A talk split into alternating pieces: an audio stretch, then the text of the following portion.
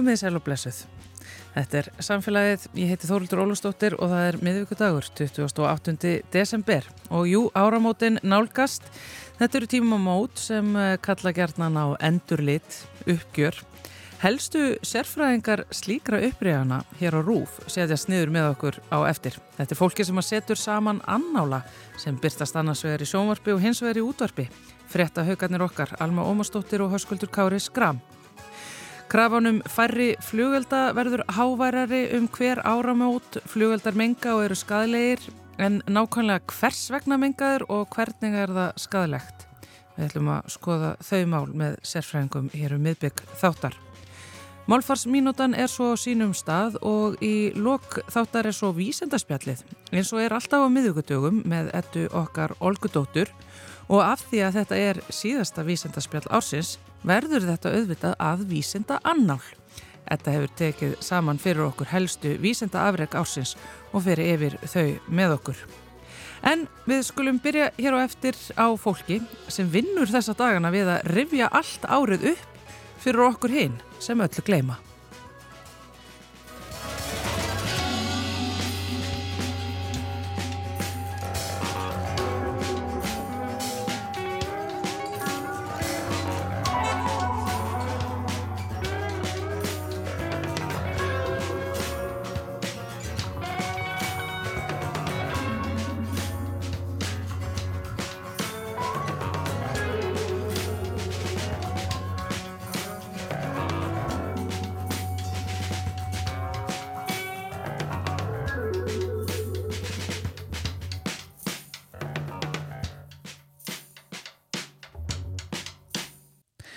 Alma Ómarsdóttir og Höskuldur Kári Skram, sælveriði.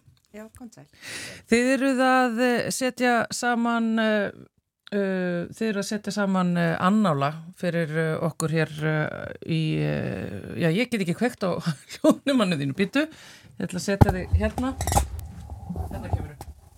Takk. Já, já, þetta er svona, allt í beitnu útsendingu. Þið eruð að setja saman annála. Alma, þú fyrir fréttastofuna sem að fyrir sjómarpið uh, og Höskuldur, uh, þú gerir upprifun hér sítiðis á gamlasdag hér á rási 1. Uh, hversu, sko, hversu mikið vesen er þetta og munurinn á þessum miðlum? Að ég, veit Alma þú ert búin að vera að í marga vikur. Já, við byrjum náttúrulega tölvört fyrir að vinna fyrir sjónvarpið og það er, já, því náttúrulega formið er allt annað, Þeir, get, þau geta lift sér svona eitthvað spjall og eitthvað svona í útvarpinu sem við erum ekki með, sko, mm. þannig að þetta byggist svolítið með upp á þetta, hafa þetta myndrænt, þannig að þetta sé grípandi og haldi fólki við skjáin í heilan klukkutíma á gamláskvöld, þú veist, það er alveg hérna svolítið, hérna Já, þið eru náttúrulega að keppa við hönnurefni sama kvöld Já, já, þú veist, og hérna því, veist, en, en þetta er sem, sem betur fyrir bara, þú veist, síðasta efni fyrir skaup, þannig að þú veist, flestir er að horfa, sko, mm -hmm. en þetta verður samt að vera þannig að, að þú veist, að, einmitt, að þetta sé, þú veist, haldi aðtegli fólks, sko já. og hérna, en það sem við gerum, sko, ef við bara lýsa eins ferlinu, að, að hérna að við sem og að þetta að því að við Ólaf settum bara niður og hérna skiptum að bylla okkur árinu, mánu fyrir mánuð og lesum hvern einasta fréttatíma sem að sendur hefur verið út í sjómarspunni á þessu ári. Ég skil núna okkur því að voru að byrja í nóvember, alla malla. Já, 365 eh, fréttatímar sem við erum búin að lesa, þess að deilt með tveimur náttúrulega, hérna, og svo bara við mitt veljum við náttúrulega hérna maður svona fljótur að sjá hver eru svona mál ársins og, og þá fá þau náttúrulega kannski svona mest vægi. En það eru samt þessi litlu mál sem að eru svo mikið gullgotn og sem að skipta svo miklu máli líka í þessum upprifinun af því það er oft það sem maður vil gleymast. Já. og fólk situr heima og bara já þetta gerast það þessu ári. Alveg þetta er svona það sem við erum svona að týna til sko. En það er þessi, þetta er aðalega vinnan að lesa yfir það má ekkert gleymast sko, þannig að við lesum yfir einhvern einasta fréttíma, svo fyrir við það að skrifa og Já. svo fyrir við það að, hérna, að klippa og svo fyrir við það að líma þetta allt saman og, og endanum er þessi afurð. Já, tilbúin. Já. Vesinni í þessu sjónvarpi alltaf, alltaf hrein, hörskuldu kári, það er ekki, það er ekki svona erfitt í, í útvarpi? Nei, við nálgumst þetta með ólíkum hætti í útvarpinu. Það eru náttúrulega meira kannski að að fara eins og hún segir Alma að rifja upp þessa fretta tíma og fara kannski í gegnum árið í svona krónalógiskri röð sem að við erum alls ekki að gera. Við erum svona tökum fyrir þessi stærstu mál ásins og ræðum þau og svo náttúrulega tengjast þessi stóru mál öðrum minni málum þannig að við viljum skapa umræðu um þessa atbyrðið frekar en bara vera að rifja þau upp og, og, og spila gömul, eh, gamla fréttir. Það er okkar markmið meira svona að ná fram umræðunni. Já, já, þannig að þetta er alveg tvær ólíkar nálganir hérna, tveir ólíkir skólar, tveir ólíkir miðlar. En maður slítur samt að velta fyrir sér þegar þið eruð í svona annála vinnu Voru þið búin að gleyma öllu sem að gerðast á árinu eða er það kannski fylgjara kannski starfinu eitthvað fyrir þetta stundin eða með ekki gleyma það? Það er sann svolítið merkilegt þegar maður fer að horfa yfir árið og, og þá svona hugsa maður alveg eftir öllu málum en maður svona, heyrðu já, þetta gerist á þessu ári en ekki fyrra. Tíminn getur nefnilega verið svolítið skrítin skeppna og, og, og blekt mann stundum og eitthvað sem að eins og til að mynda bara COVID Mér finnst, í, í mínum huga er það eins og COVID hafi bara, því hafi lokið einhver tíman á, á síðasta ári en þetta, þessu laug bara fyrir tíu mánuðum. Já. Hvað er þetta að segja? Ég mitt hérna, ég fekk smá áfallið mitt sko að því að hérna það komu í, í minn hlut í janúar og februar á þessu ári og ég sest niður og byrja að lesa fréttatíma ásins í hérna janúar, februar og ég bara það var bara COVID, COVID, COVID, COVID, COVID og allir bara, ég, ég bara, veitu, var þetta virkilega gerast bara núna á þessu ári? Þið eru bara að segja mér frettir, ég hef búin að stengleima þessu. Hefur, hvað meira er ég búin að gleima árinu? Nú er ég að koma hérna bara undan jólum í kjött og sigur svima og veit, veit ekki neitt. Hvað eru helstu frettamál ársins? Ég get ekki svarað. Já, sko, stærsta frettamál ársins að mínumati og ég veit að það er ekkit endilega allir sammála. Það er náttúrulega þessi innrás eh, í rúsa í Úkrænu mm -hmm. og, og varpar eiginlega skugga á allt sem gerðist á þessu ári. Já. Við sjáum það í flóttamannamálum, við sjáum það bara umræðinu um matvalauriki, eh, það var skipað sérstaklega spretthópur, það var eh, verðbólgana mörguleiti sem leiti til hækkun stýrivaksta það snertir innrásinna í Úslandi, í Úkrænu snertir það út af því að eh, matvæli, orkuverð hækkaði og matvæli hækkaðu og aðfangarkeður opnuðu og svo framvegs og svo framvegs Já, það er eiginlega svona eins og bara svona punkturinn og allt annað er bara svona hérna bárir út frá þessu. Já, nákvæmlega. Uh, og það er það sem er áhugavert varðandi með COVID sko að hérna þegar að Íslensk stjórnveld ákveða að aflétta öllum takmörkunum dægin eftir er innrásin í Úkrænu mm. og eftir það bara er bara engar COVID-19 lengur. Það er bara innráðsinn í Úkrænum tekur bara alveg yfir allt og svo ég fremald að því meit þessi mál, þessi afleitu mál, hérna, þú veist, verðbólgan, eh, hérna, orkuverði í Evrópu, flótamannamálinn og, og þannig að hérna, það bara algjörlega bara snýrist þarna og þess vegna erum við kannski bara búin að kleima þessu COVID-i að því að það bara Já. breytist á einni nóttu sko þegar að innráðsinn verður. Þetta er svo skelvlegt, við fórum eiginlega úr einu krísu ástandi yfir í annað Já. strax á bara sama degi líku við Já. og við fengum með aldrei sko smá frið sem þjóð þjóð til þess að draga andan og slaka þess á. Já, alltaf læg. En sko þið eru náttúrulega svolítið skrítna skrúfur ofta þarna inn á frettastofunni sem að lifið og hærist í þessu og, og verðir svona faglega spennt yfir veist, frettum sem ofta eru náttúrulega oft mjög erfiðar og hræðilegar. En eru þið þá að segja að þið eru að koma út úr svona, svona spennandi ári faglega sem frettafólk? Já, spennandi. Þetta verður gaman í vinnunni. Þetta er búið að vera... Áhugaverðir tíma. Já, við skulum orðað þannig, Já. það er ágætilega orðað. Já, og þetta er, þú veist, þetta er alveg svona tíma sem maður veit, sko, að maður mun eftir einhver árhugs, þú veist, horfa tilbaka bara, þú veist, að þetta er eitthvað svona sem maður verður rifjað upp. Sérstaklega náttúrulega COVID-tímabilið, þú veist, þetta er bara eitthvað sem að, hérna, þú veist, algjörlega fyrir sögubækurnar og svona náttúrulega þessi innrás ég er hrætt um það, þetta verði, hérna, eitthvað svona sem að verði hort alltaf til sem einhver svona vendurpunkt einhver, einhver, einhver bara svolítið, svolítið svona já þetta er svo þetta er svo hvað, hvað var orðið sem var alltaf að vera að nota hérna? Fordæmalust Fordæmalöysir tíma sem við reyfum á. Já, já. En, já, en faglega, er það ekki betra samt að vinna á fordómulusum tímum? Já, sko, ég vann í gegnum allt hruni líka, það er náttúrulega gott og slæmt mm. að mörguleiti, það er erfitt að vera að fjalla stöðut um erfið mál mm. og, og það reynir á mann andlega. Og, og vissulega væri gott að fá kvíld frá því af og til. Og, og maður finnur það alveg í, í sálunni ef, ef að það hafi verið mörg erfið mál í, í, í marg, langan tíma eh, þá, þá er maður þreytari og, og, og jafnvel þó að þessi svona faglega séð áhugaverði hlutir í gangi þá, þá væri ég alveg til í líka að sjá einhverja svona skemmtilegri, skemmtilegri mál af og til. Er ekki, þið ekki nefnilega einmitt gaggrind svolítið fyrir það að það sé ekki nú skemmtilegar hjá okkur fréttinnar?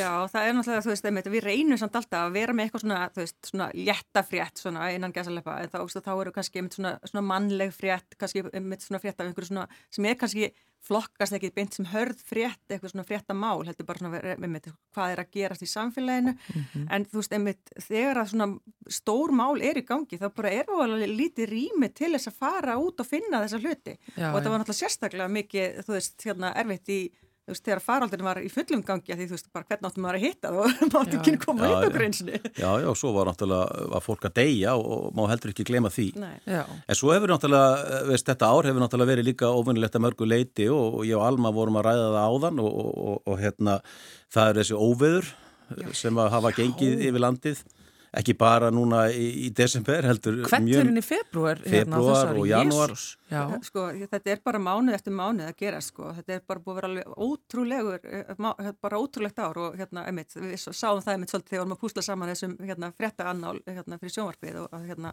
að þetta var bara alltaf, var alltaf næsta og næsta sko, stóra eh, óverið var alltaf, veist, var alltaf aftur og aftur þetta sem átt að koma svona einu sinni ári vanalega, já, já. það var alltaf að gerast aftur og aftur á þessu ári. En aftur, er það ekki æðislega gaman samt líka fyrir ykkur þegar það kemur óviður af því að það, ef, veist, ef, ef þetta gengur allt saman sko vel ef fólki er, er, er ekki hættu sett að þá er gaman að vera með mikrofónin út í hérna, rokinu og láta blása svolítið á sig og veist, segja frá lokunum fjallega. Já, það er mjög gaman að vera heima eh, upp í sofa með heitan kakóbótla eða kaffi og horfa fréttamann í skítakulda eitthvað staðar í, miðju óveri Ég elska óveðsfréttir, sko, mér finnst geggjað. Og mér finnst ótrúlegt stundum að þið komist á þessa staði bara til þess að taka myndina. Að þú veist að kveikmyndatöku fólki inn, inn á fréttastofu bara standi fæturnar í kviðunum. Já og það náttúrulega, við náttúrulega erum hluti af þessi almannavarna teimi uh, sem er kannski oft gleimist að fréttastofa rúf er bara hérna lögum samkvæmt hluti af svona almannavarna, uh, hérna almannavörnum landsins Þannig að við svona fáum oft sko kannski mitt svona einhvern aðgang sem aðri fá ekki, náttúrulega aldrei þannig að við verðum að fara í eitthvað svona hættulegar aðstæður nema bara, en stundum erum við að fá kannski að, veist, fara í, í fyllt hérna björgunarsettumanna, en þetta er samt ekkit, veist, þetta er ekkit oft sem að svona gerist að við sem að fara í eitthvað þannig aðstæður að það sé algjörlega lokað veist, við erum ekkert að fara þannig að við, veist, við virðum alltaf lokanir þó við séum fréttastofa sko. já, já. Að, hérna, en það er skilda hjá ykkur að sína frá þessu já, já, þessu. já, af því að þú veist annars geti fólk einmitt farið að sér að voða sko. veist, þetta er náttúrulega, veist, þetta er ekki bara skemmtilegt Þannig að þessi, þessi stand-up þarna á, á fjallöfum er ekki bara til þess að skemmta okkur kósiliðinu Ekki bara nei nei, nei, nei, nei, og það partur af því líka að sína fólki að fréttamæðurinn er á staðnum vissulega, þetta er ekki bara einhver myndavél út í bæ, þetta er teimi myndatökumadur og, og fréttamæður, þetta er teimi sem verður að vinna mjög þett saman til þess að fréttin verði góð. Já, sko af því að þú, þið voru að fara yfir það áðan að þetta verið alltaf svona þung, þungt frétt ár uh, og mikil svona uh, hlæðsla og, og mjög alvarleg málingunin undir og þeir eru það að reyna svona í og með að taka svona meðvitað ákvörunum og setja léttufréttin inn að gæsaleppa inn í málið þó það sé náttúrulega vissulega ofta erfitt að finna hana svona bara þegar uh, allar hérna fyrirsagnarna hlaðast upp þá hlítum við að spyrja um eitt svona inn í hvaða stemningu eru þið að keira annálana ykkar? Er það glettið yfirbræði eða, eða öllu formlegra? Það er svona... Þú ert náttúrulega rás eitt, sko. Já, já, já, ég átta mig á því, ég átta mig á því, sko. Maður er náttúrulega ekkit að grínast með mál sem eru alvarleg, en, en, en að því vorum að tala um COVID á þann og, og þessi sprenging sem var bara í, í menningarlífi þjóðarinnar eftir að öllum samkominn takmarkunum var aflétt. Já Eh, það fylgdi því mikil gleði mm. og það má ekki gleyma því það allt einu gætt fólk aftur farið í leikús og, og, og sækja tónleika hittast og, og gera hluti saman sem að einhvern veginn eh, var ekki hægt í COVID lengst af þannig að því fylgdi mikil eh, gleði lósun ef ég má nota það orð mm -hmm. Já, ég, get, ég skilji það. En hjá ykkur, það er náttúrulega, veist, það er þráttur að þetta sé vesen þarna í sjómarfinu og það náttúrulega getur leikið í höndunum á ykkur það stilla saman tónlist og mynd og svona. Já. Þið getur oft verið með tölverst flip. Já, við gerum það svolítið sko og þetta er náttúrulega svolítið línudans einmitt að því að við mögum alls ekki einmitt hérna vera Við mögum ekki vera oflétt af því að þú veist það varpar kannski, þú veist, þá erum við kannski að gera lítið úr alvarlegri málum með því að vera bara, þetta er, þetta er ekki grínþáttur sko, Einmitt. en þetta má samt ekki vera allt og þungt því þá bara, bara er fólk bara heima hjá sig bara með stein í magan sko á gamlarskvöld, það gengur ekki. Já, einmitt, þetta er náttúrulega auðvitað gamlarsdagur eh, og kvöld sko, þannig að þið megið líka ekki eðilega steining og, og það er líka mjög mikilvægt sko að því að skaupið er hérna á þessum stað og, og við veitum alveg hvernig það byrjar að vera svona aðeins búin að rifja upp árið með því að hlusta á annála í útvarpi og, og horfa á annálinn í sjónhaldinu þá ertur meira svona með á nótunum þegar Já. það kemur að skaupinu sjálfu, já, þá fattar þau djókið. Já, það er eiginlega algjörlega mjög mikilvægt að- að gera þetta þegar, þú veist, en þetta verið samt aldrei svona vandræði sko til dæmis ég finn það með eldri kynslu en minni fjölskyldu sem að skilur kannski ekki alla, allar uh, vísanir í til dæmis svona áhrifavalda og svona mikla svona bleikumálin, dægurmálin sem að gerast nefnilega líka eiginlega sko nefnilega á uh, vefsíðunum, þú veist, ekki í frettatíma sjónvars, þar er ekki verið að segja frá einhverjum áhrifavaldi sem að fekk sér hund eða, Nei, eða nú- fór á nærbuksunum út á djammið. Þú þarft heldur ekki að vita allt og þú þarft ekki að hafa áhuga á öllu og þú þarft heldur ekki að hafa húmor fyrir öllu. Það, Nei. fólk bara getur valið, valið hvað það varðar. Já, heyriði það þarna ára móta sköpstuðarar Sko þannig að þetta er bara verið að að vinna þetta núna hjá okkur Þú ert að, uh, Alma að, að, að að byrjandi í útdarpinu en, en hérna með fullri verðingu fyrir því Þú ert að hérna binda lokarnútun á þetta og þú ert bara að eiginlega setja þig almennilega í gang, hvað skuldur? Já, við fáum ekki eins langan eh, tíma en það er, eh, eins og segi, vinslan er allt öðruvísi. Það er þurfa náttúrulega að lesa sig í gegnum alla fréttir ásins. Við erum svona, eh, horfum meira á stórumyndina og, og, og, og svona tökum frekar þessi stæstu mál, eins og ég sagði áðan, og, og einblinum á þau og fáum til okkar góða gesti til þess að fara yfir, þau og svo erum við náttúrulega líka með léttmyndi þarna inn á milli. Já. Þannig að það verður mjög áhugavert að hlusta á þetta hérna á lögadaginn. Ég hlakka til að hlusta og ég hlakka til að sjá uh, skrítin vinna samt sem að þið eruð í þessi annála vinna en það er einmitt gott að það flegi sér einhver átasverð fyrir okkur hinn einmitt sem öllu gleymum annars. Alma Ómarsdóttir og Hörskuldur Kári Skram okkar allra bestu fréttahaugar. Takk hella fyrir kominninga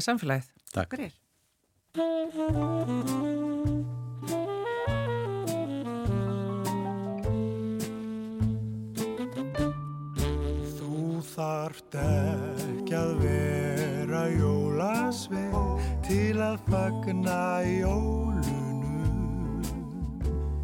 En sá sem gerist jólasveið sér hvað jólinn snúast um Að gleðja þá sem líða skort er hið sanna jólasport Grilla flýsa feitum sauðum Handa fjölskyldum í nauðum.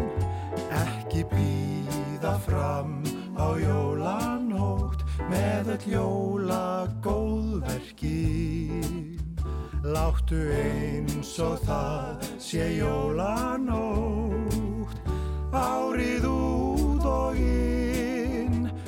Þú þarft ekki að vera jólasveið En hann fer með göfugt starf.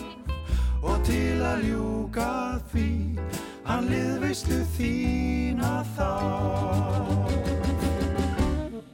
Þú þarft ekki að vera jólasveið til að fagna jólunum. En sá sem jólasveið sér hvað jólinn snúast um. Að gleðja þá sem líða skort. Er hitt sanna jólasport. Og grilla flýsa feitum sauðum. Handa fjölskyldum í nauðum. Ekki býða fram á jólanótt með öll jóla góðverkin láttu eins og það sé jólanótt árið út og inn. Þú þarft ekki að vera jólasveið en hann fer með göfugt starf og til að ljúka því hann lifist þau þína þar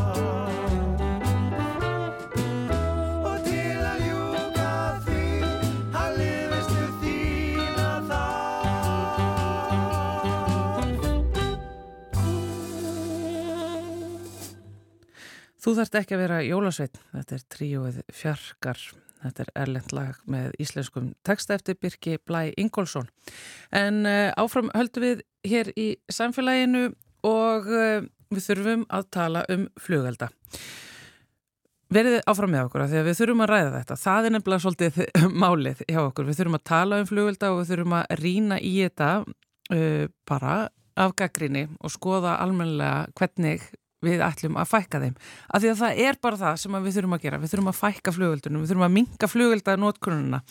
Þeir eru sestir hjá okkur Jóhannes Bjarki Urbansis eh, Tómasson. Ég var öruglega að rústa hérna eh, þessu nafni Urbansis. Urbansis, já. Urbansis, ég sætti rétt. Sérfræðingur í teimi Ringrásarkerfis hjá Umhverfstofnun og Þorstedt Jóhansson, sérfræðingur í teimi Lofgeða, sætlustu. Og þið báðir, eh, sko, flugöldamenga, þeir eru skadalegir En sko Þorstein, þú getur kannski útskýrt það aðeins fyrir okkur hvers vegna þeir menga og hvernig þeir eru skadalegir? Já, sko þeir menga einfallega því þannig er ákveðin brun í gangi, við erum að brenna púðurinnu. Mm. Það er púðurinn, til og með raketunum bæði til að drífa þér upp og svo til að búa til litadýrðina. Og bara einfallega við þennan bruna þá verður til mikið af söguriki. Púður er sem sagt bara skadlegt og leið, skadlegt leiðindefni, þetta er ekki eitthvað glimmer bara. Nei, nei, þannig er, er bara verið að brenna sendt fastefni og það er yfir sko það er minnstur, minnst mengun að brenna gastegundir, það er það er svolítið mengun að brenna vögva eins og bensin og díslóli en það er yfir mest mengun að brenna föstöfni, hvort sem það er kól, timbur eða búður. Já, þannig að þetta er bara þannig. Já, Já þá, verð, þá verða svona meiri agnir, þú verð ekki mikið ögnum með að brenna gasló, það er mjög heit bruni. Þarna til þess að gera verða að brenna hérna, púður og það kemur mikið að fínu riki og það er fyrst og finnst þetta fína rik sem er skalegt helsunni.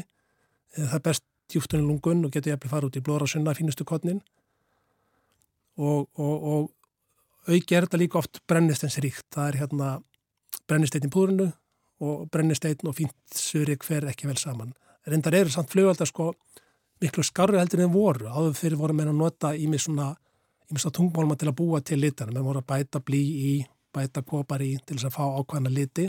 Nú er það bannað, það er bannað að bæta blí í flugvelda eins og það er gert. Þannig að nú er önnur efni notið sem eru skári. Aftur á móti eru samt þessi efni blí, kopar og fleiri tungmálmar eru náttúrulega í hérna, kólanum sem eru notið til að búa til púðrið. Þannig að það er alltaf eitthvað á tungmálmum þó að þessi miklu minna heldur um var. Já. Og þetta er náttúrulega eitthvað sem að hérna, sest í fólk og, og, og er bara í, í umhverjunu okkar, alla jafna, það fer náttúrulega svolítið eftir veðri. Sko, þú hefur náttúrulega verið kallaður til í frettir til þess að fara yfir þegar það er mikil sveifriksmengun og við höfum alltaf verið að sjá rosalega toppa uh, hérna, um áramótin og síðan aftur um 13. Er, er það ekki? Jú, og það er veðrið alveg ráðandi þáttur, send, er alltaf bjöldan sem búið þetta til, en, en send veðrið ráðandi þáttur hvernig þetta hvort þetta næra þinnast út. Og við finnum svona meðaltali annarkvært ár yfir hilsvöndamörk fyrir svifrik, stundum bara skriðið rétt yfir þau.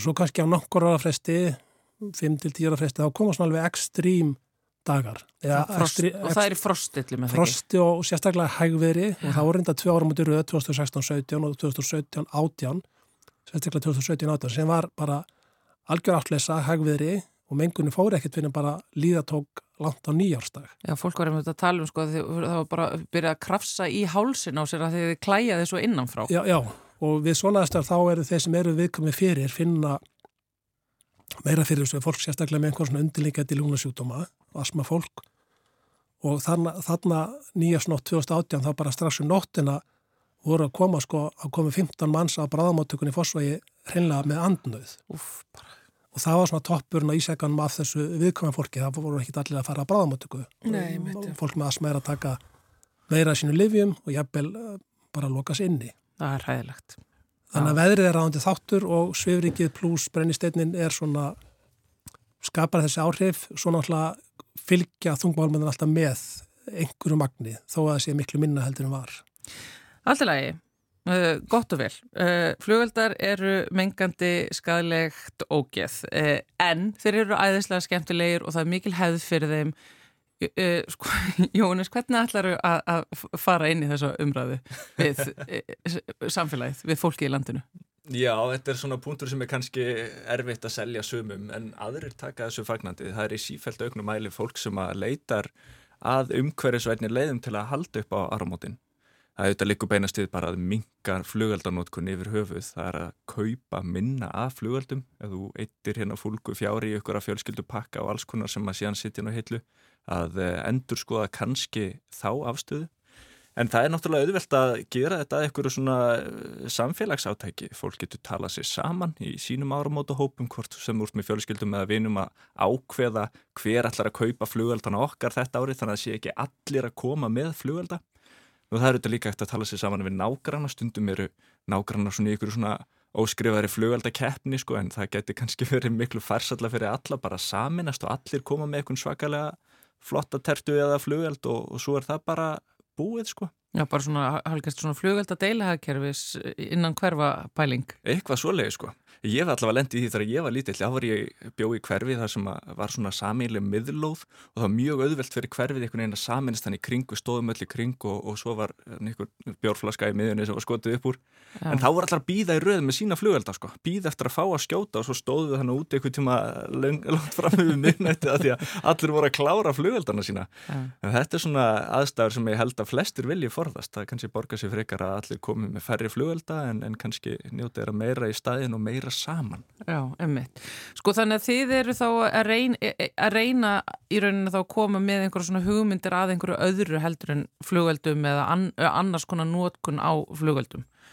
Já, náttúrulega númer eitt er að, er að minga flugveldarnótkun. Ef margir geta séð fyrir sér að hætta alfarið og þá hafa menn verið að gefa öðrum hefðum stærra hlutverk, til dæmis að sækja áramóta brennur saman sem er hefð sem er miklu lengri heldur en flugveldar held ég okkar sögu en ég er ekki alveg með það á hreinu.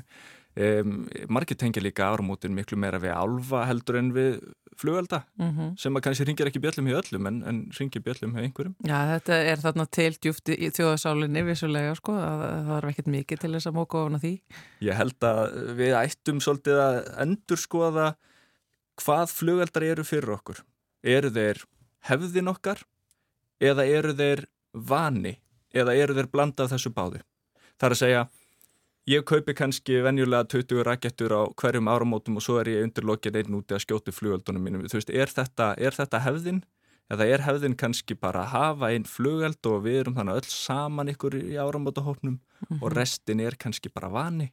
Ég held að fólk þurfi svolítið að gera þetta hreinskilinslega upp við sjálft sig. Ég er ekki búist við því að allir hætti að kaupa flugelda nákvæmlega þessi áramót en flugeldar er ekkert komnir til að vera eins og þeir eru notaðir núna. Það er ekki eitthvað sem við sjáum fyrir okkur eftir 10 ára eða 20 ára sem samfélag bara. En núna verður við sann sem að við sko líka að ræða hreint út varðandi þess að órjónlega tengingum millir flugelda og sölunar á flugeldunum og uh, stopnunar hér á Íslandi sem að allir elsku dá, sem eru björgunarsveitirnur okkar sem að þrýfast á flugöldarsólinni eru til út af flugöldarsólinni og, og hérna og eiga allt gott skilið og maður vill ekki taka þetta frá þeim líka sko. þetta er, það, veist, því að þetta tengist flugveldarnir tengja svo mikið björgunarsveitunum okkur sem við elskum líka sko. Þetta er bara virkilega mikil klemma Já, ég var bara alveg erfitt með að tala um þetta náðast sko. mér finnst þetta svo erfitt. Ég held að það hafi allir fullan skilning á því að björgunarsveitunar fjármagn sé að miklu leiti með flugveldarsölu um, að samaskapi að þá hafa björgunarsveitunar ekkert upp úr því að við sprengjum flugvelda Það er ekki tengingin, flugveldar er ekki stuðningur við björgunarsveitunar björgunarsveitinar græða peninga á því að selja fljóðölda. Þannig að þeir sem er að reyna að minga fljóðöldanótkuna, þeir geta bara styrt björgunarsveitina fjárhagslega á sama tíma. Já. Það er kannski bara miklu betri nýting á peningum og björgunarsveitinar hafa líka kalla eftir að fólk gerir spakverðir sem er uh, þeirra stuðningsprogram sem að fólk ætti kannski að í huga að gerast frekar heldur en að vera alltaf að kaupa flugvelda. Það er engin tenging millir flugvelda og velgengni björgunarsveitana. Það ætti eiginlega að vera öfugtenging því að flugveldar valda slísum á hverju ári og þeir geta valdið brunahættu og, og það er ímislegt sem að björgunarsveitana þurfa að díla við beint út af flugveldum. Mm.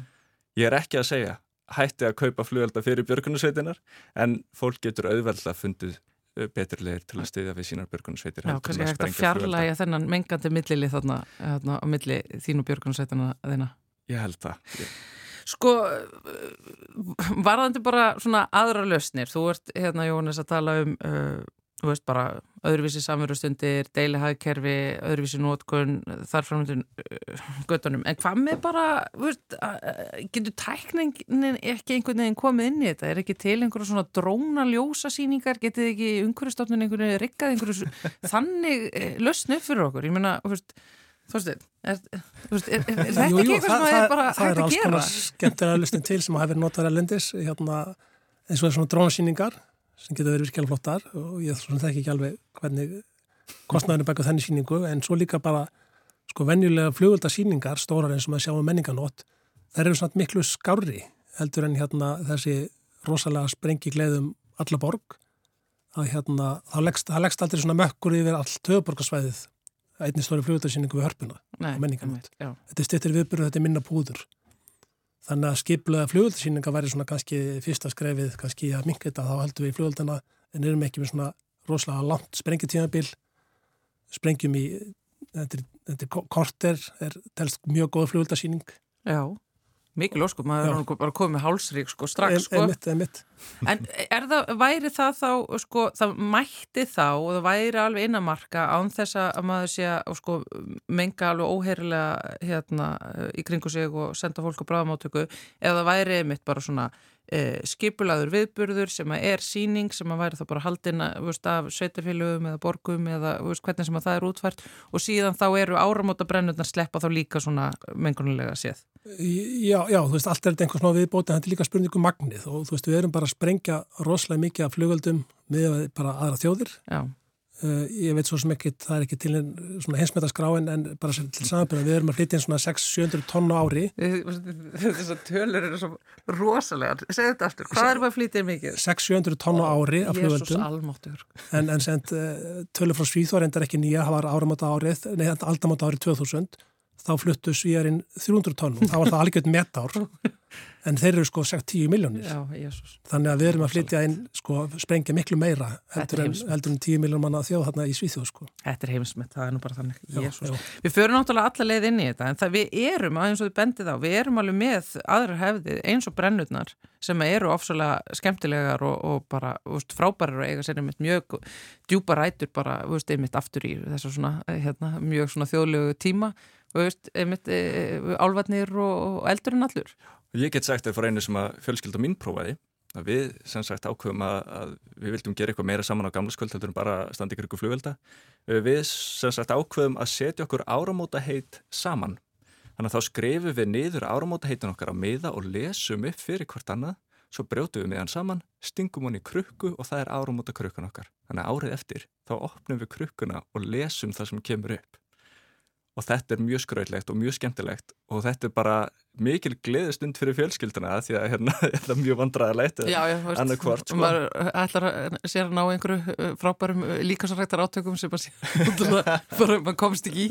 ég ætla að lesa tíu bækur á mánuði Já, og hérna allt þetta íslenska sko. Nei, en þetta er einhvern veginn svona svalaði þessari þörf sem maður hefur til þess að standa síðan heil lengi úti saman að horfa flugelda og eitthvað svona, þetta er einhvern veginn samveran telur meira heldur en eitthvað flugeldagláp.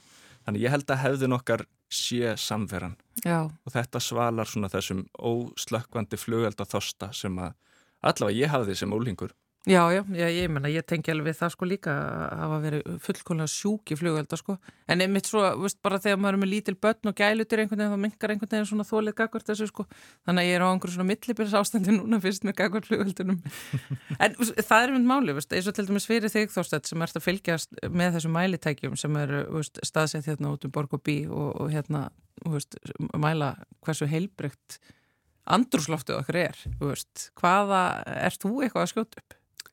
Sko, síðust árin hef ég ekki kett flugölda en ég var alveg með dulluður hérna áður fyrir sko. Já, þannig að já, mér fannst það bara verandi þessu starfi ekki bara alveg viðandi og maður er svona kannski búin að fá nóg á sig gerum árin.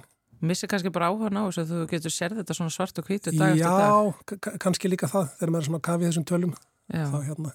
En það er svona fólki í kringum sem, sem sérum að kaupa fyrir fjölskylduna líka þannig að upplifið það og ég veit að þið eru náttúrulega hér í sko kraftið ykkar starfs og, hérna, og eru það ít af stað þessari umræðu sem að veist, ég dreif einhver fjöður yfir að er alveg frekar erfið uh, bara út af eimsu, veist, þetta er hefð og björgunarsveitirnar og veist, þetta verður alltaf verið svona og allt þetta hluti sem að Íslandingar eiga svolítið erfitt með að takast á við. Um, upplifið það að, að, að, að, að það sé hægt að ræðum þetta að sé, við séum að hefja einhverja vegferð núna þar sem við ætlum bara smátt og smátt að fækka flugöldum þar til að við finnum í rauninni algjörlega bara eitthvað annað sem að kemur í staðin. Þetta verður ekki eitthvað sem að fylgir Íslandi hérna inn, langt inn á þessa öld. flugöldanótkunin og heimsmyndið í henni? Já, ég allavega sjálfur í, mínu starfi og líka bara sem persóna, ég upplifa það að menn eru mjög mótækilegir fyrir þessu og hafa líka skilninga að þetta er mjög polaríserið umræða. Það eru sumir sem að vilja kaupa sem mest af flugöldum til þess að styrkja björgunarsveitana sem mest og aðri sem að kannski reyna alfarið að sleppa flugöldum kaupa ekki neitt sko. Um, og svo tengist náttúrulega margt fleira þann inn í viðkomir hópar og hérna, börn og óléttarkonur og gæludýr og hestanir og hvað með fugglana út í skói, ég skilur það er bara svo margir vinklar á þessu að ég held einhvern veginn að, að þessi umræða muni aldrei finna sér náttúrulega, náttúrulegan farveg eða lausn. Ef menn hugsa bara ég er heilbröður, ég er ekki viðkomur hópur, ég er ekki gæludýr, þá ætlum ég að kaupa mikið af flugöldum og allir hinn er hætti. Ég held að það sé ekki neinn leið út úr þessari umræð, hún þarf bara einhvern veginn að fá að matla, menn þurfa svolítið að taka sjálfa síðan nafla skoðun held ég og svo komum við aftur til inn í samfélagi næsta áram út. En eru þið búin að setja upp einhverju svona tímalínu um bara svona hvenar þegar þið eru að íta einhverju stað, einhverju snjóbóltast, svona hvenar verður þetta bara búið? 2030? Ég, ég, ég held að sé svo sem erfitt að segja, það var sko nefnda með stjórnvalda fyrir að sváum árum uh, sem komna ákvæmna tillögur og það miða svona meðlansi að því að hérna ég reyna að minga magnið og, og kannski takmarka þá sölu á svona mest mingandi fljóðaldónum. Uh, ég held reyndar að, að minnst að þeim tillögum hafi komið til framkvæmda allavega ekki ennþá. Já, þannig að það er ennþá svolítið langt til land. Ja, við erum allan að taka umræðuna, það verður ekki á okkur tekið. Heldur betur. Takk hella fyrir að koma hérna til okkar. Þorstedt Jóhansson, sérfræðingur teimi loftgeða hjá umhverfstofnun og Jóhannes Bjarki Urbansis Tómasson, sérfræðingur teimi ringrásar aðgerðum sig á sömustofnun. Njótið ármótuna. Já, takk samleis fyrir að bjóða okkur. Takk, takk.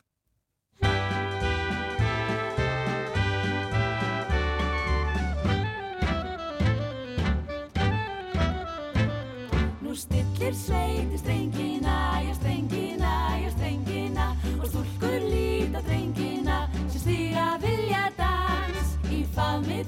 þeirra fjölunum, á fjölunum, á fjölunum. Í faðmi þeirra fjölunum það fljúi elegans. Og gleðin slær við hvert eitt hjarta er hljómar bjartir sinn hefja brag.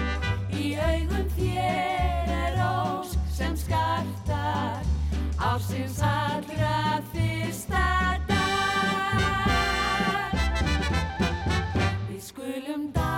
dansa þennan nýjáspolka og njóta lífsins látt fram á nóg og liðin tíma við geymum um leið og honum gleymum og gleðjumst og reynum okkar þró Við skulum dansa þennan nýjáspolka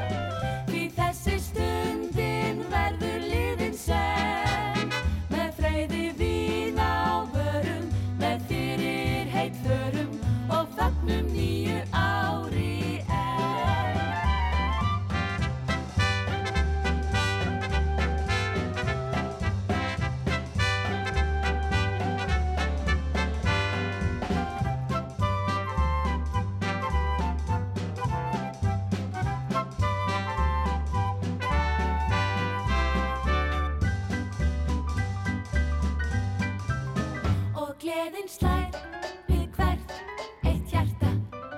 Er hljómar bjartir sinn hefja brag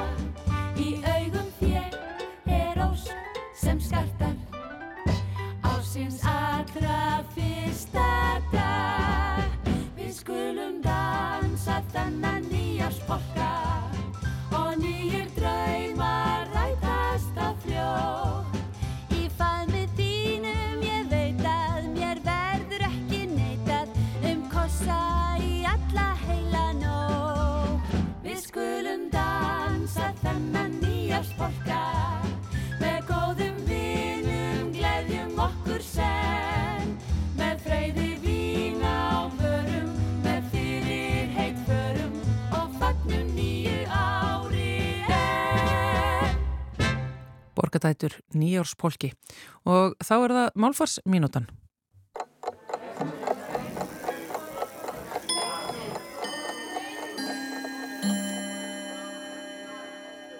Frá aðfangadegi fram á 13. er til síðs að óska fólki gleðilegra jóla eða gleðilegar hátíðar.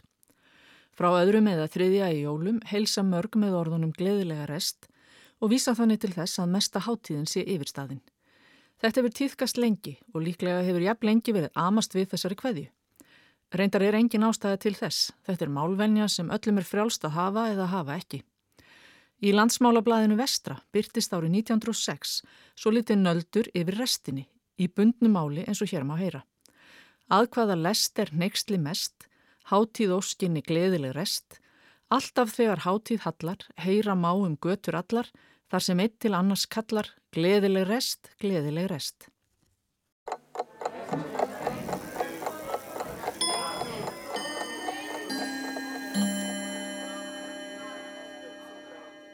Málfarsmínútað baki með önnu Sigriði Þráhans, dóttur Málfarsráðunut og þá er komið að vísendaspjallinu hérna hjá okkur því síðast á árinu með ettu Olgudóttur. Sælverstu þetta? Sælverstu. Og það eru vísendaafreg ársins Já. og uh, allar þínar umfjöllarnir sem að þú ætla bara svona svolítið að taka fyrir okkur lustundur. Nú ætlum ég bara að skauta hans yfir þetta í stuttumáli. Yes. það er náttúrulega hefbundið aðeins að fara yfir, lítið yfir farin veg og man, það kemur mann alltaf svolítið óvart þegar maður fer að horfa tilbaka og já, þetta gerist á þessu ári vegna þess að það var bara núna í janúar sem að hérna svínshjarta var grætt í mann. Alveg rétt. Það var náttúrulega alveg ótrúlegt hérna ég veit ekki hvort ég á að kalla þetta afreg eða, eða fíldir sko eða hvað sko en það var hérna 57 ára gammal bandarækjamaður sem var með hjartabilun og hann, sagt, hann hafði engra aðra kosta völ. Hann var semst búin með sín úrræði í heilbreyðskerfinu og samþykti þess vegna að prófa að fá þarna svínahjarta sem var ræktað í erðabreittum grís. Þannig að það var búið að taka út prótín sem að, að líka með mannsins myndi hafna mm. og þannig átti það að þess vegna átti þetta hjarta að virka í manninum og hérna það var held ég 7. janúar núna 2022 sem að þetta, þessi aðgerð var framkvæmt. Hún var svolítið gaggrínt sko vegna þess að ef eitthvað fyrir úrskeiðis þá er ekki hægt að taka hjartað úr og bara nota einhverja vél sko.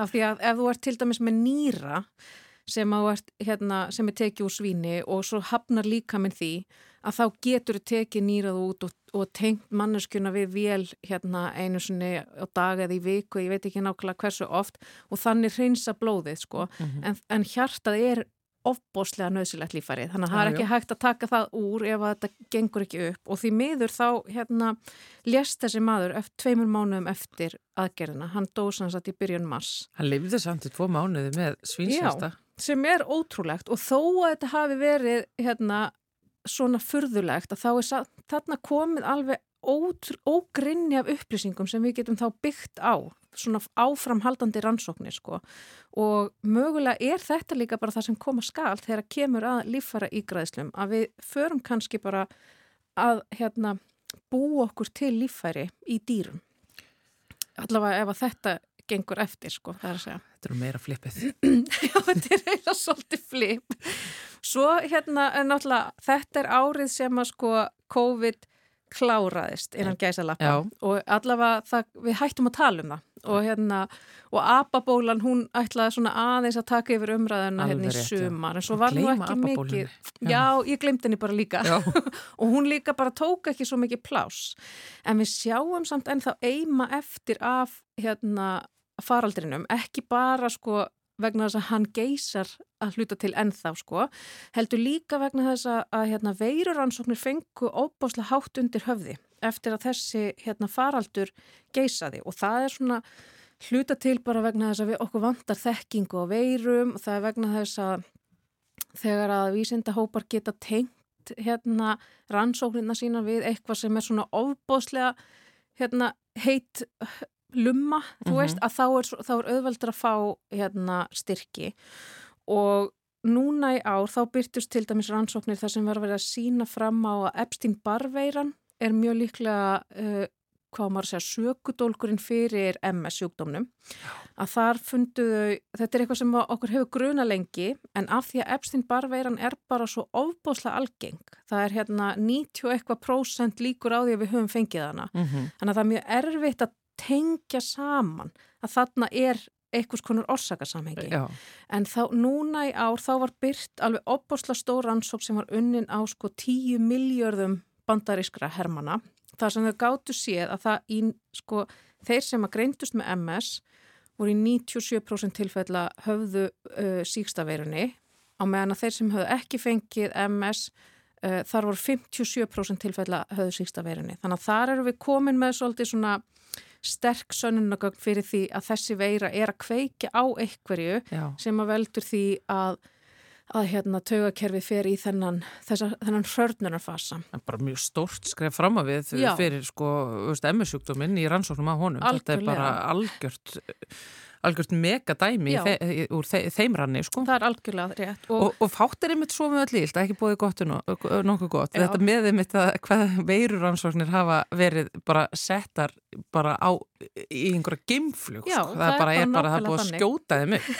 það er rosa gaman að, að veist, þó, einmitt, það kemur ekki til að góðu en, en rosa gaman að fylgjast með því hvað er eh, mikil, mikil gróska þar. algjörlega. Og líka eins og þú segir, þó þetta kom ekki til að góðu, þá kemur eitthvað gott út úr því. Já. Það er náttúrulega mjög jákvægt. Það Og það voru fleiri hérna veiruransóknir sem að ég mann sérstaklega eftir að það var þegar að þau tengdu saman frunsuveira og hlaupabóluveira sem gætu saman kveikt á því að táprótinið og beta-amylótprótinið sem er það sem fellur út í hérna, Alzheimer's sjúklingum rétt. að það sé eitthvað sem að, hérna, að þar séu við komið með kveikjuna að því af hverju Alzheimer's myndast og það finnst mér líka mjög áhugavert vegna þess að þannig erum við aftur komin með tvær veirur sem eru alveg ofbóslega algengar það er hérna, frunsa og hlaupabóla sem að nánast allir kannast við Allir fá, Já, nánast líka. einmitt, og að hún geti þarna einhvern veginn verið tengd einhverjum erðaþætti sem að kveikir á þessu að þessi sjúkdómur myndist.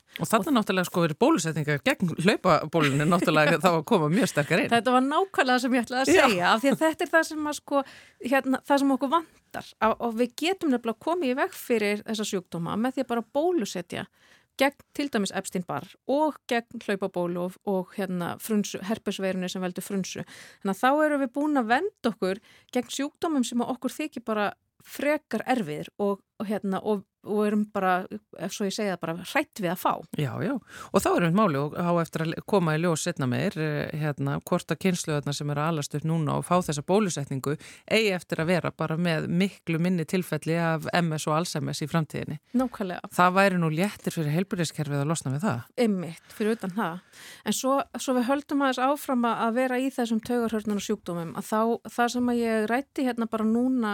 í desember, það var hérna snemgreining á Alzheimer's sem, að, sem að ég held að muni líka uh, vera svolítið byltingakent ef við náum að, þróa þetta áfram og koma því á þann stað að þetta sé eitthvað sem er hægt að nota. Mér sýnist á öllu að þetta sé bara talið upp í topp tíu eh, atriðum yfir svona stærstu vísindafréttar ásins allstar. Já. Þetta með mögulega að það sé hægt að greina Alzheimer með blóðdrópa.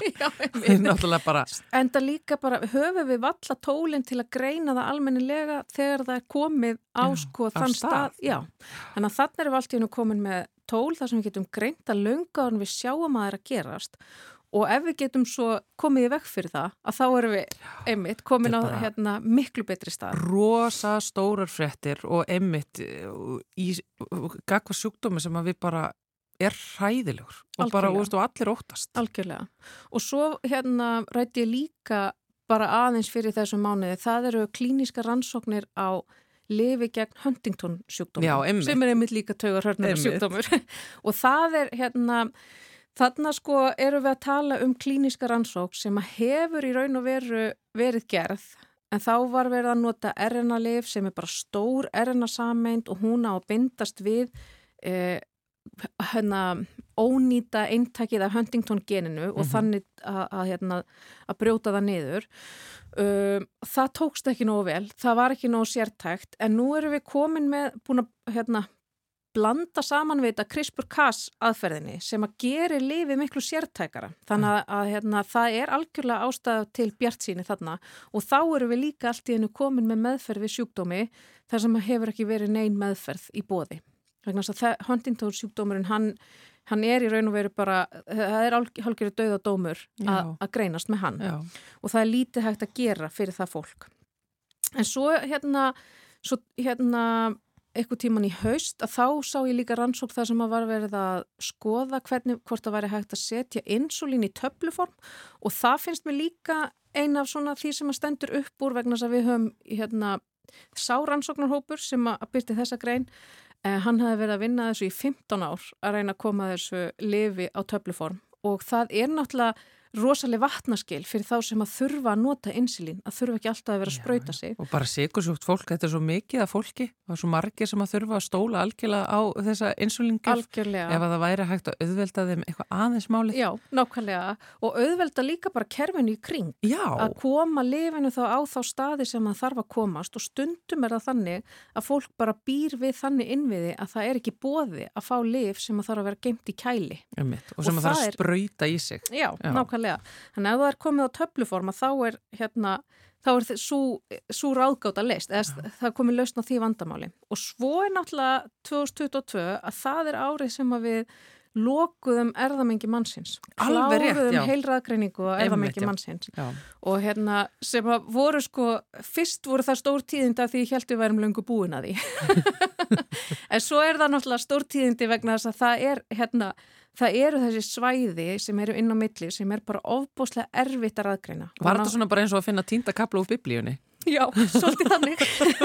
Já, og, svona, og, bara... og svo þú veitir líka, þá er einn kapli ennþá sem er týndur, sem við vitum að er týndur af því að uppslónleitningurinn hefur ekki verið raðgreindur ennþá. Af því að þessi raðgreining sem að lokaði erðamenginu, að hún var gerð á hérna, frumulínu sem er með tvo x-leitninga. Og hérna, uppslónleitningurinn hann situr ennþá... Þannig að konur eru ennþá raðgata.